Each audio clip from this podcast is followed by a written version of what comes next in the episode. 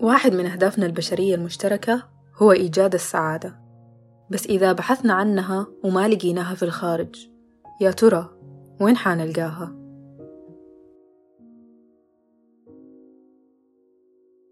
هذا البودكاست أحد منتجات شركة قاف لصناعة المحتوى. السلام عليكم. أنا آلاء إبراهيم وده بودكاست حس.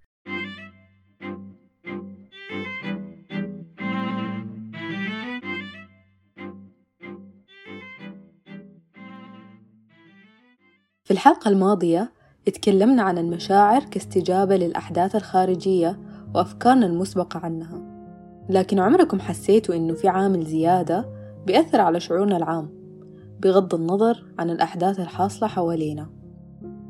يا إنه بيتماشى مع نوعية مشاعرنا فبيديها أكبر من حجمها. في وضع طبيعي كنت حأدي رد فعل أبسط من رد الفعل اللي أديته مع وجود العامل ده.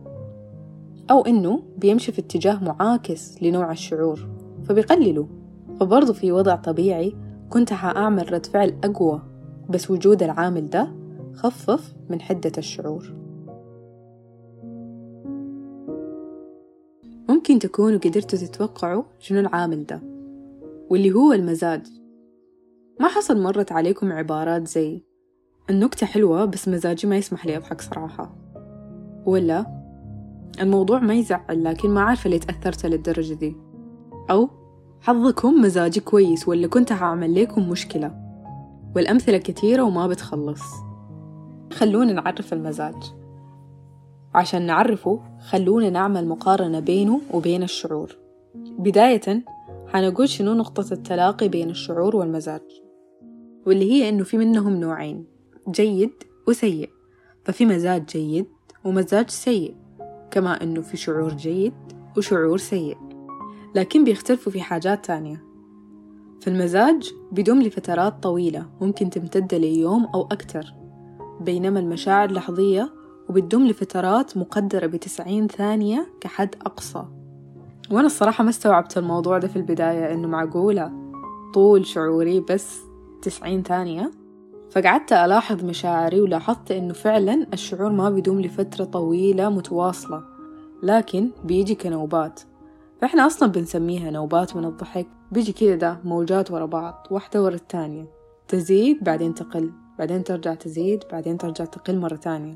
بينما المزاج بيكون إحساس مستمر متواصل بدون أي فواصل أو استراحات. فلما تتغير الخصائص بتتغير التسمية. فالحزن اللي بيتعدى فترة الشعور بيتحول إلى أسى. فالمشاعر اللحظية ممكن تنتهي بعد انتهاء المؤثر بفترة قصيرة. لكن أحيانا بنحس إنه في مشاعر أخذت فترة طويلة من الزمن. في وجهة نظري حاسة إنه المشاعر اللي بتاخد فترة طويلة من الزمن دي بيكون سببها إنه بنرجع نسترجع ذكرياتها واللي بيزعلنا الذكرى مرة تانية زي ما قلنا في الحلقة الماضية. فمجرد الحدث لو نسيناه حيخف الشعور تدريجيا. لكن كل ما نرجع نذكر مخنا إنه ترى الموقف ده حصل الموقف ده حصل بنرجع نكرر الشعور باسترجاع الذكرى. فبيبان كأن الشعور أخذ فترة أطول من التسعين ثانية.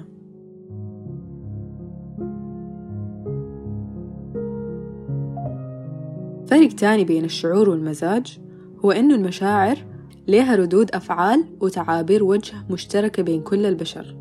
فبنقدر نعرف مشاعر شخص معين بس من مراقبة تعابير وجهه بينما المزاج ما عنده تعابير خارجية. فممكن نلاقي ناس عايشين في مزاج سيء جدا بدون ما نقدر نلاحظ. مثال على ذلك مرضى الاكتئاب اللي ممكن نكون متخيلين إنهم ناس عندهم سحابة سوداء فوق راسهم طول الوقت وسهل تحديدهم. لكن في الواقع مرضى الاكتئاب ناس زيهم زينا بيتفاعلوا زيهم زينا. لكن من جوا عندهم إحساس ونظرة مختلفة للحياة.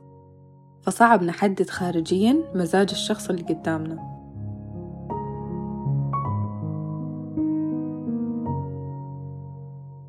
من الفروقات برضو بين الشعور والمزاج هو وضوح المؤثر المسبب للشعور.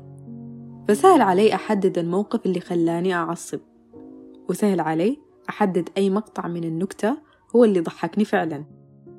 فالشاهد إنه مسببات المشاعر واضحة ومعروفة بينما المزاج ما عنده أسباب واضحة. فبيحصل إننا نسمع عبارات بمعنى صحيت من النوم مزاجي معكر ومع إنه اليوم ما لحق يبدأ ولا حصل شي واضح يتسبب في تعكير المزاج. أو ممكن بالعكس تمر علينا أيام مليانة أخبار سيئة بس مع ذلك بيكون مزاجنا حلو ورايق وبدون سبب واضح.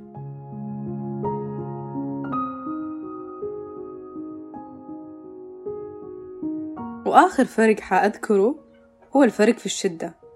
فالمشاعر بتضرب فجأة بشدة عالية فبنستخدم بعض الألفاظ زي غمرني شعور معين. وبقدر ألاحظ ميتين بدأ وميتين انتهى الشعور بخطوط واضحة وعريضة. بينما المزاج بيتغير تدريجيا فصعب علي أحدد ميتين بالضبط أتحسن أو أتعكر مزاجي.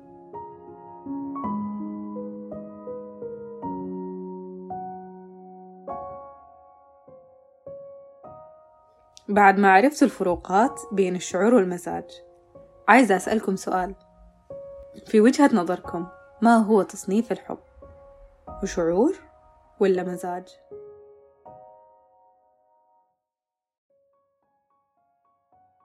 شعور حلقة اليوم هو الفرح متين آخر مرة كنت فيها فرحان؟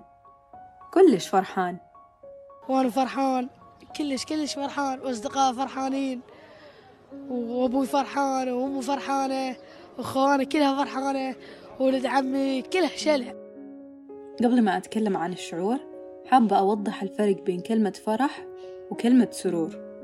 كلمة سرور معناها الشعور بالمسرة لما به منفعة زي الحصول على وظيفة قدوم مولود أو الفوز بجائزة قيمة. أما كلمة فرح معناها الشعور بالفرح بما ليس به منفعة. زي الرقص أكل الآيس كريم والمحادثات الطويلة مع الأصدقاء. بتكلم عن الشعور ده لأنه بحس أنا بعض الأحيان وبسبب المنطق وجدية الحياة بنمنع نفسنا من الأشياء المفرحة بس لأنه ما منها فايدة.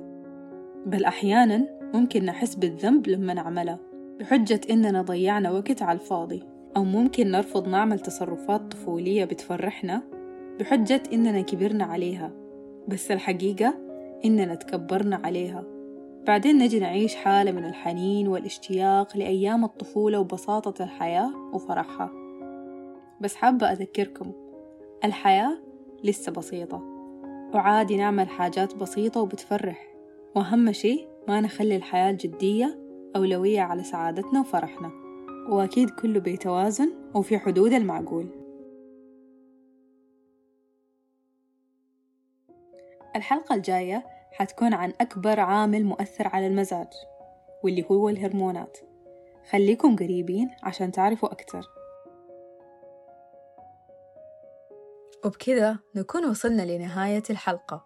شاركوني تعليقاتكم وآراءكم وإذا عجبتكم الحلقة ما تنسوا تضيفوا البودكاست على منصات الاستماع عشان تصلكم الحلقات أول بأول. إلى اللقاء.